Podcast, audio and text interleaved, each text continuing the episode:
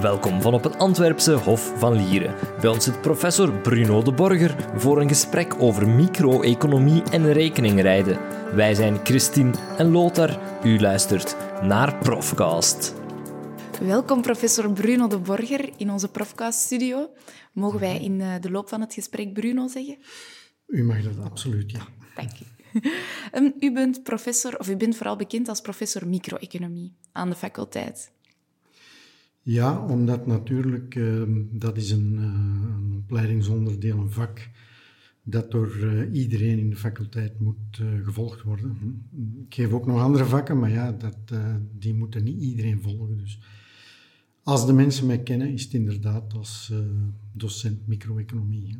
Ik denk dat bijna elke student TW, handelsingenieur, SEW, u toch tegenkomt in ja, de opleiding. Ja, ja. omdat micro-economie verplicht is voor al die, uh, al die richtingen. Als ze naar de les komen, natuurlijk. ja, dat is natuurlijk een andere zaak. En, en ja, nu met... Uh, sinds een aantal jaren wordt het uh, opgenomen. en dan hebben studenten natuurlijk de mogelijkheid om, ja, om niet te komen en om het achteraf te bekijken. En met corona is dat natuurlijk nog geïntensifieerd, want nu, ja, nu zijn er geen uh, live lessen meer uh, in de aulas. Uh, dus ja, misschien studenten onthouden nu wellicht beter als ze live is geweest zijn, maar ik heb ook niet het gevoel dat ik de noodzaak voel omdat de studenten mij zouden herinneren. als, ze maar, als ze maar economie kennen, dat is het belangrijkste. toch denk ik dat de meeste studenten nu wel wel hebben onthouden.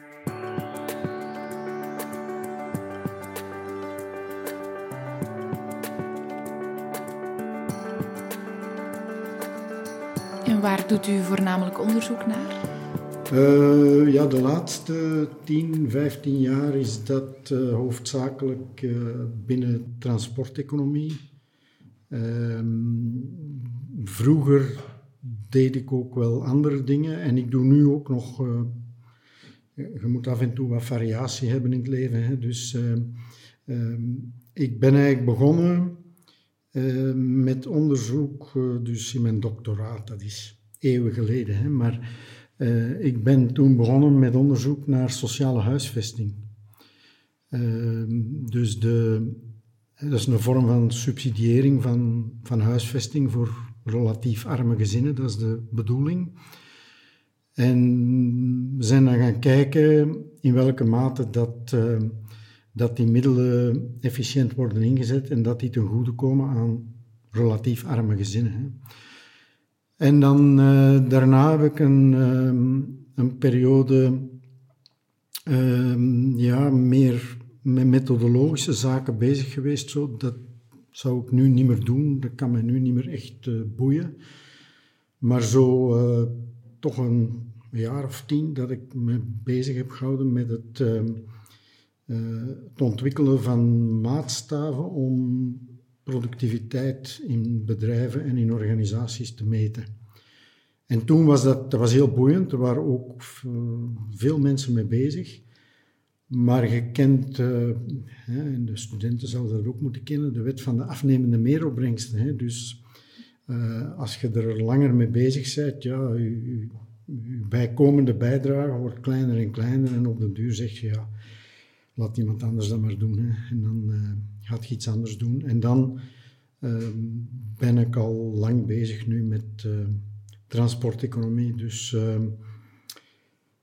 problemen van prijszetting in, uh, in, in, voor het autoverkeer, maar ook voor het uh, publiek transport, um, investeringsbeleid, uh, ook zo meer softe maatregelen zoals verkeerslichten en van die, van die verkeersdrempels en zo. Hè. De, je kunt zeggen, ja, wat is daar nu interessant aan? Maar de, um, en dat zijn vrij beperkte ingrepen die een grote impact hebben op het gedrag van mensen.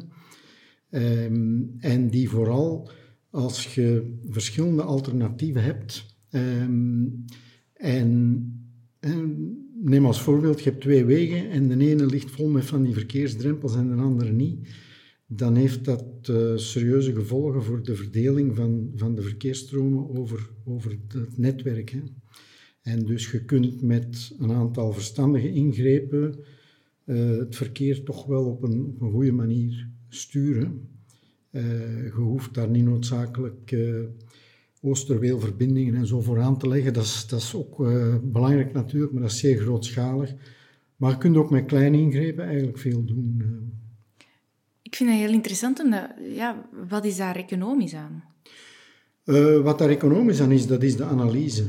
Dus ehm, wat doet men in, ehm, in transporteconomie, of wat is een van de dingen die men doet, hè, uh, dat is uh, nagaan of bepaalde maatregelen maatschappelijk nuttig zijn. Hm? Goed of slecht, om het simpel te zeggen. Hè. Is een maatregel goed of slecht? En, en dat is het economische eraan. Hè. Dat je dus gaat kijken, ehm, wat, je moet eerst dan beschrijven en analyseren wat de gevolgen zijn van bijvoorbeeld van het zetten van verkeerslichten. Hoe beïnvloedt dat gedrag van mensen, hoe stuurt dat de verkeersstromen. Dat is het, het, uh, uh, het beschrijvend gedeelte, als je wilt. Hè. En dan heb je iets meer normatief van uh, die invloeden op die gedragingen van mensen en op de uitkomsten voor die verkeersstromen. Is dat nu een verbetering of is dat eigenlijk een achteruitgang? Hm? En dat is, uh, ja, dat is een beetje zo de welvaartseconomische aanpak. Hè. Um, en dat, uh, ja, dat, dat werkt even goed voor, uh, voor verkeersdrempels als voor meer, ja, meer tot de verbeelding sprekende dingen zoals rekeningrijden en zo verder. Hè.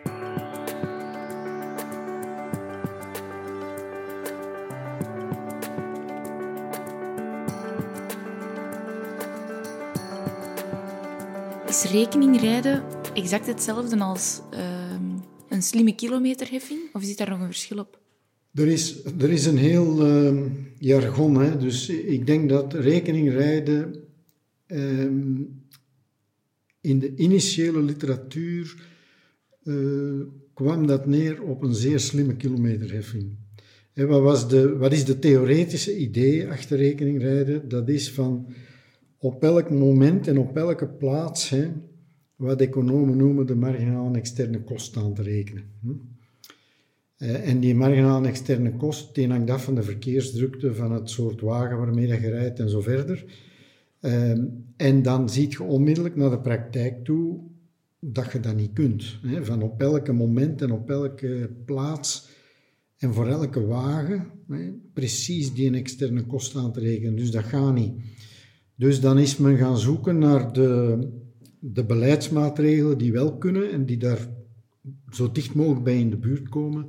En dat is dan een slimme kilometerheffing, die dus uh, per kilometer aanrekent, maar ook nog afhankelijk van de, van de verkeersomstandigheden. Dus uh, het onderscheid maakt tussen piek- en daluren en, en tussen stedelijke omgeving en landelijke omgeving en zo verder. Um, maar de, ja, ik denk dat nu voor de man in de straat, om het zo te noemen, uh, vrouw in de straat, uh, dat het um, dat rekeningrijden een soort amalgam is voor alle systemen waarbij dat je tijdens de spitsuren wat meer moet betalen. Ik ben ter voorbereiding van deze podcast in de archieven gedoken van de Vlaamse kranten en u bent al heel lang fan van rekeningrijden. Uh, het is te zeggen, ik doe daar al heel lang onderzoek over. Ja. Uh, en um, ik ben daar uh, fan van, maar ik ken ook heel goed de beperkingen. Hm? En dus um, um, het, is, het geeft misschien de indruk dat ik daar 100% van, van ben, omdat de meeste anderen er tegen zijn. en ik wijs heel dikwijls op de, op de voordelen, maar ik ben een genuanceerde fan. Want wij hebben ook heel veel, hebben veel economen vanuit welvaartseconomisch hoogpunt die zeggen ja, dat zou een, een goede maatregel zijn, hè? men moet dat invoeren. We zien ook op de paar plaatsen waar men het ingevoerd heeft, dat het heel gunstige effecten heeft. En toch zijn er weinig andere uh, overheden, steden, landen waar men het invoert. dus je hebt iets dat, waarvan evidentie is dat het, dat het gunstige effecten heeft en toch doet men het niet. Dat is zo'n beetje een, ja, een, contradictie toch. En dan zijn we ook gaan kijken uh, naar de redenen waarom het uh, zo moeilijk is om dat in te voeren. En dan zit je in een discussie binnen wat men uh, in het jargon de politieke economie noemt. Hè. Zo, je hebt een maatregel die voorgesteld wordt, er gebeuren studies, die maatregel is gunstig. En dan gaat dat in het publiek debat. En dan krijg je politici die zich daarover uitspreken, je krijgt belangenorganisaties die zich erover uitspreken, hè, de VTB, VHB en, en Bon Beter Leefmilieu. Iedereen doet daar dan ook zijn zeg over. En dan, ja, uit dat proces komt dan een beslissing van we gaan dat doen of we gaan dat niet doen. Hè.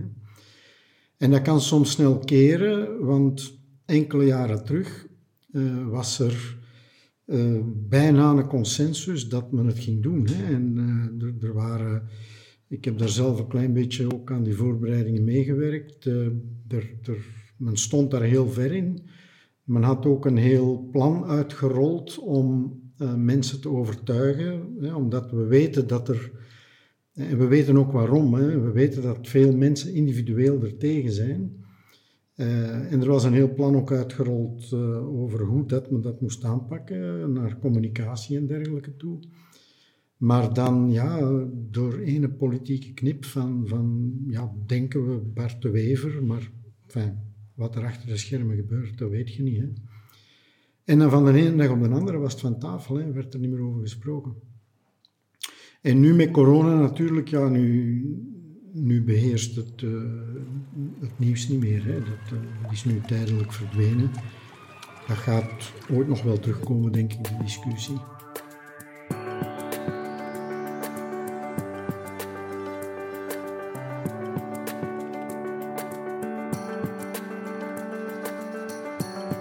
Want wat zijn exact de voordelen van rekeningrijden en wat zijn de nadelen waardoor de tegenstanders het tegenhouden? Wel, laten we met het tweede beginnen misschien. Hè. Waarom zijn zoveel mensen er tegen?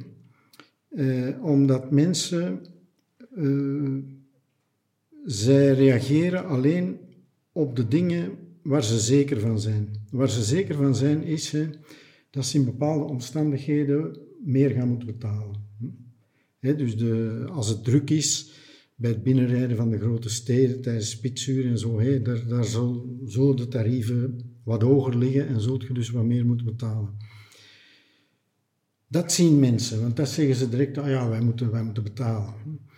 Uh, en daar zijn we natuurlijk tegen, niemand, niemand doet dat graag. Hè. Uh, wat veel vager is, wat aangetoond is in een heleboel studies, maar wat voor mensen veel vager is, dat zijn de voordelen die er tegenover staan.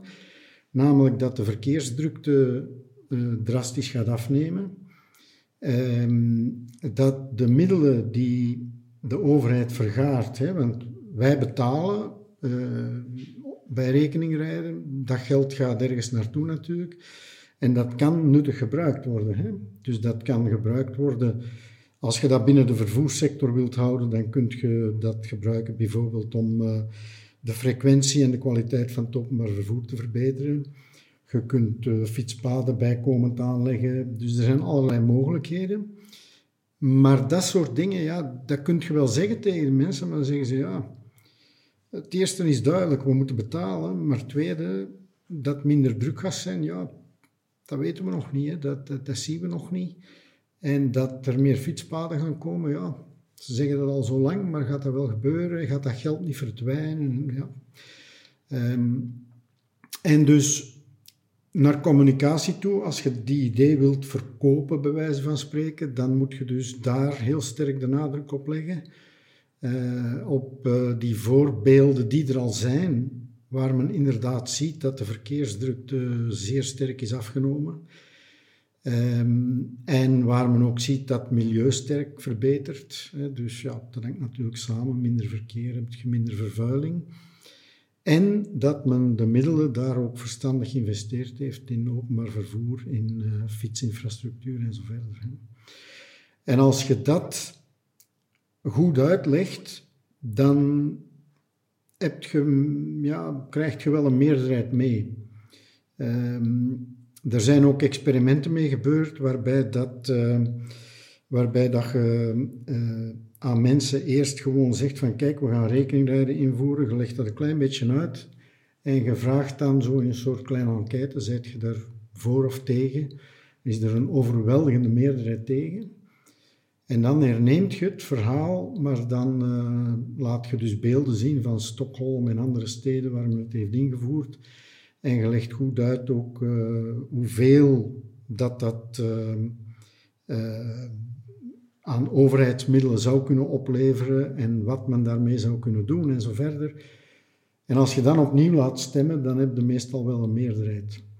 En het is ook zo dat men het in Stockholm er doorgekregen heeft door, door um, ja, um, voor een deel heel goede communicatie en ook een uh, langdurig experiment.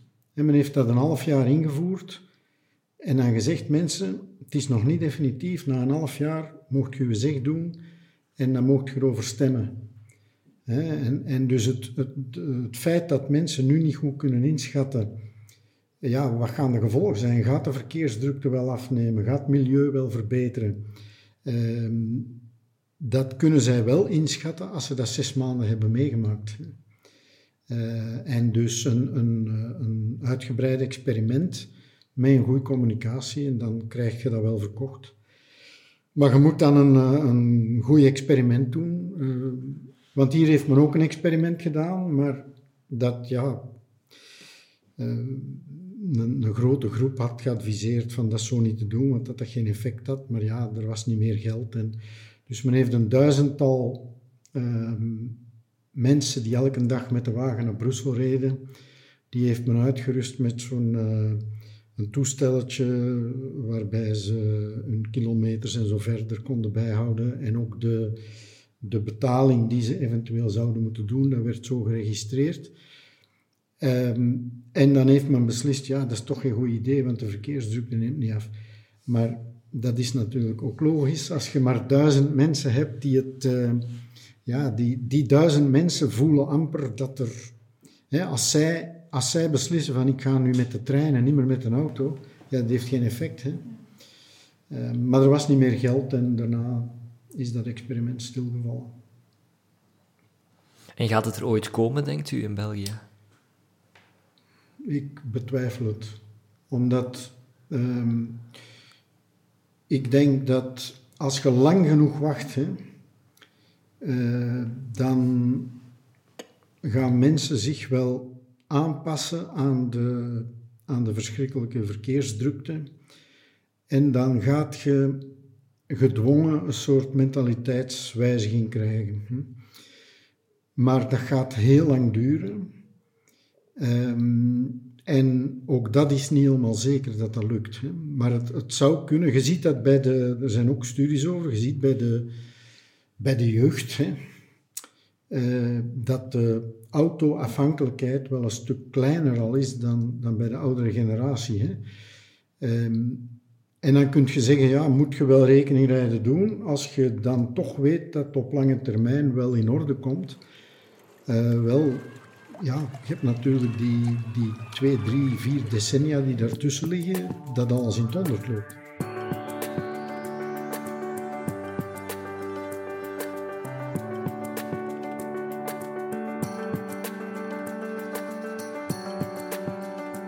Je hebt ergens een onderzoek waar de focus op ligt. Dat is dus de laatste 10, 15 jaar dat transport. Hè.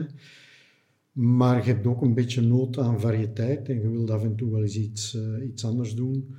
Um, en ik heb een paar uh, zijsprongetjes gemaakt. Uh, en één daarvan, dat was inderdaad ja, zo economische modellen over terrorisme. En je kunt zeggen, wat heeft dat nu met economie te maken? Maar um, om maar één voorbeeldje te geven. eh, als je, stel je hebt, je hebt twee landen, België en Nederland, en eh, terroristen plannen een aanslag in, in deze regio, Bel- België, Nederland, en in, in, ergens in, in de buurt hier. Hè. Wat gebeurt er dan als een van die landen eh, heel veel inzet op eh, terreurbestrijding en het voorkomen van aanslagen en zo verder? Eh, wel, dan stijgt de kans dat die aanslag gebeurt in het andere land. Hè. En als nu beide landen, de beide landen dat weten, dat, ehm, dat, dat als zij veel investeren, dat dan de kans redelijk is dat je de aanslag eh, ja, verplaatst naar, naar de buurlanden. Maar het buurland weet dat ook. Hè. Dan, dan krijg je eh, een soort ja, concurrentie in, in, in terreurbeleid. Ehm, en wat dan blijkt is dat, ehm, dat het veel verstandiger is, ehm, wat misschien evident is, hè, maar dat het veel verstandiger is van dat eh, op een hoger niveau aan te pakken. Hè, dus, eh, dus heel, heel sterk inzetten als individueel land eh, op antiterreurbestrijding, ja, dat is, dat is goed voor het land waar die maatregelen dan genomen worden, maar dat verschuift voor een stuk het, eh, het probleem. Dat, dat is nu maar één voorbeeld. Ehm, ehm, iets anders waar we naar gekeken hebben, dat is ehm, eh, ergens de, ja, de, de, de verandering in motivatie van, van terrorisme. Als je een paar decennia geleden keek, dan was die motivatie eigenlijk toch in ruime mate politiek gedreven. Zo de, de Bader-Meinhof-groep en de Rode Armee-fractie en zo. Die, die wilden de, de maatschappij drastisch veranderen. En als je nu interviews met die mensen hoort, uh, dan zeg je ja, eigenlijk. Enfin, ik zeg niet dat ik, die, dat ik dat terrorisme goedkeur, maar eigenlijk de, die, hun, die hun doelstellingen in de achtergrond. Er, er waren een aantal te verantwoorde doelstellingen bij. De middelen natuurlijk, die, die waren wat minder. Hè? Maar, maar nu heb je uh, een vorm van terrorisme waarbij dat uh, de enige doelstelling eigenlijk is van uh, morele en maatschappelijke en fysieke schade aan te richten uh, vanuit een hoger doel, zo van, van uh, religiositeit. Of, of, uh, en en dat, um, dat betekent onder andere dat vroeger die aanslagen, die waren zeer gericht tegen machtige mensen binnen de samenleving. Hè. Dus er werden, er werden politici ontvoerd en vermoord dikwijls. Er werden bedrijfsleiders ontvoerd en zo verder. Uh, terwijl nu, een bedrijfsleider heeft niet meer te vrezen dan, uh, dan jij en ik. Hè.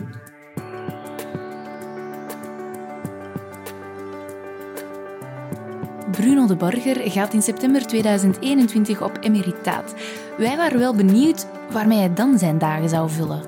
Ik ben een amateurmuzikant, dus ik, uh, ik ga meer tijd hebben om, om me daarmee bezig te houden. En ik heb zeven kleinkinderen intussen. En zitten er kleine micro-econoompjes tussen? Uh, dat is wat vroeg om te zeggen, denk ik. dat is wat vroeg om te zeggen. En het, het, zit duidelijk niet in de genen, want mijn kinderen hebben een hekel aan economie eigenlijk. Zijn, zijn, en dat is niet omdat ik er thuis veel over gesproken heb, want ik heb eigenlijk thuis uh, weinig over mijn werk gesproken. De muziekmicroop, die hebben ze wel. Uh, wat speelt u zelf? Ik speel uh, klassieke gitaar. En ik heb ook vroeger bassist geweest in een, in een... Enfin, een echte popgroep was het niet, het was een, een begeleidingsgroep van een cabaretier. Dat had wel leuk geweest om zo de podcast af te sluiten met zo uh, gitaarsolo's. ja. Ja, ja, ja. Ja, ja, ja, eigenlijk had je ze moeten meebrengen.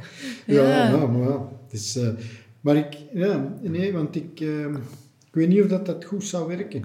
Vroeger wel, hè. maar nu, als ik, als ik nog maar weet dat er, uh, dat er iemand meeluistert, hè, dan uh, zenuwen. Hè. dus ik ben niet zeker dat dat een goed idee zou geweest zijn. Maar wat wel een heel goed idee was, was dat u hier naar de podcast gekomen bent vandaag. Bruno, heel erg bedankt.